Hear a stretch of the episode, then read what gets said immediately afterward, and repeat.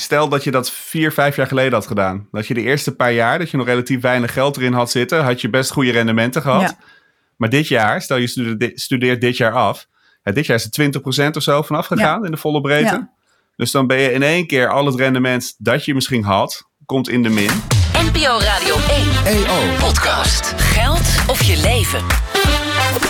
De vraag van vandaag. Met Sandra Flippen en Sander Heijnen. En de vraag van vandaag komt van Christian. En die vraagt of het slim is om je studielening te beleggen, omdat het dan meer oplevert dan het kost. Nou Sandra, wat, eh, wat zou jij deze jongeman eh, adviseren? Nou, ik moest even beginnen om de vraag. Want ik, ik vind het wel heel eh, slim en ook een beetje sluw, eerlijk gezegd.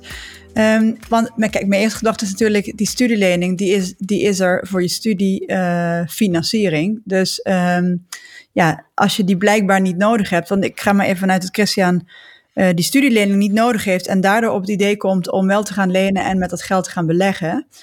Ehm, ik kan het hem niet aanraden om, eh, om een aantal redenen. Eigenlijk het belangrijkste is dat eh, gewoon financieel. ehm, kijk, als je gaat beleggen, dan heb je. ehm, ja, dan is toch de vuistregel dat je gewoon een aantal jaren, misschien wel zeven, misschien wel tien jaar, eh, moet de tijd nemen om, eh, om te voorkomen dat je, ja, eigenlijk nou net als die aandelen minder waard wordt, het geld weer nodig hebt. Want dan ben je natuurlijk. Precies, je hebt een lange horizon nodig. Ja, en dat heb je niet met eh, die studielening, want daar, daar zit een terugbetaaltermijn op.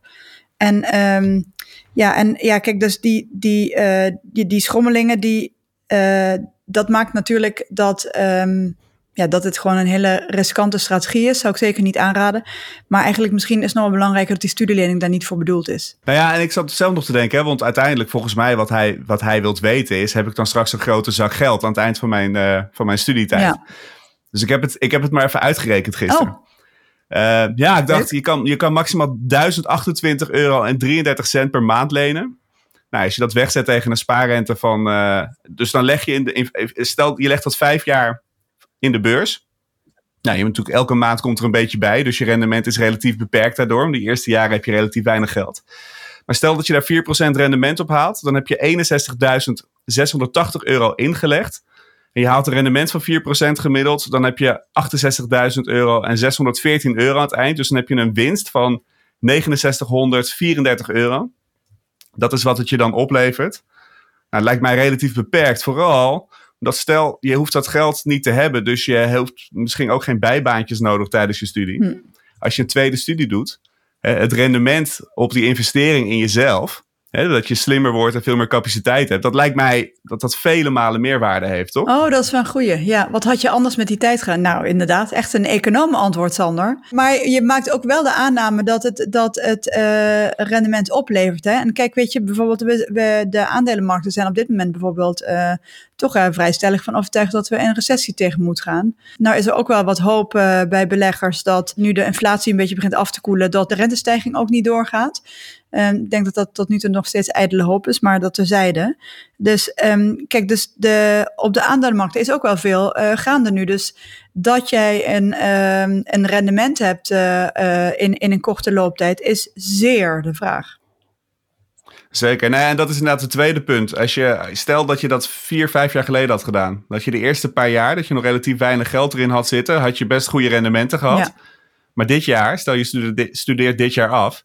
Ja, dit jaar is er 20% of zo vanaf gegaan in de volle breedte. Dus dan ben je in één keer al het rendement dat je misschien had, komt in de min. En je komt met die, met die studieschuld, vanaf het moment dat je afstudeert, gaat je rente tikken. En eh, stel dat die rente 2% is die je betaalt op je studieschuld. En het zou zomaar meer kunnen zijn eh, over een paar jaar, tegen de tijd dat je afstudeert. Ja, met 2% rente heb je al 1200 euro aan rentelasten per jaar over die studieschuld. En nou heb ik dat, ik, heb zelf, ik had zelf een vrij aanzienlijke studieschuld eh, opgebouwd eh, toen ik studeerde. Overigens heb ik wel twee studies gedaan en veel eh, reizen gemaakt. Dus daar heb ik, eh, ik had een forse schuld en ik had een rentelast van ongeveer 13, 1400 euro per jaar. En dat betekende toen ik afstudeerde dat ik eh, van januari tot en met juni betaalde ik alleen maar rente. oh ja. Dus ik betaalde ruim 200 euro per maand. En eigenlijk ging er pas vanaf juli dan iets van mijn eh, schuld af. En eh, nou ja, dat maakt dus, ik vond dat, ik vond dat heel erg verneukeratief. Want dat was eigenlijk de eerste keer dat ik leerde, dat ik ervoer hoe rente werkt. ja. En ik vond dat eigenlijk niet echt leuk of Ja, aangenaam. dat voelt alsof je er tegen, tegen de klippen oploopt, zeg maar. Dat je rente blijft betalen terwijl die berg niet kleiner wordt. Precies, Ja. precies. Ja. En, dat, en, dat, en dat is nu overigens is de rente 0%. Dus nu gaat het eh, lekker hard. Ja. Heb jij je studieschuld eigenlijk gehad? ja, een kleine studieschuld. Niet veel, ik weet niet eens meer hoeveel, maar het was zo weg. Die was zo weg. Ja. Nou. Dus eh, samenvattend, niet doen hè? Niet doen, nee. Heel goed. Nou, dat was hem voor vandaag. Heb jij ook een vraag? Stuur hem dan naar podcastradio1.eo.nl. En eh, morgen weer een nieuwe vraag. NPO Radio 1. EO Podcast.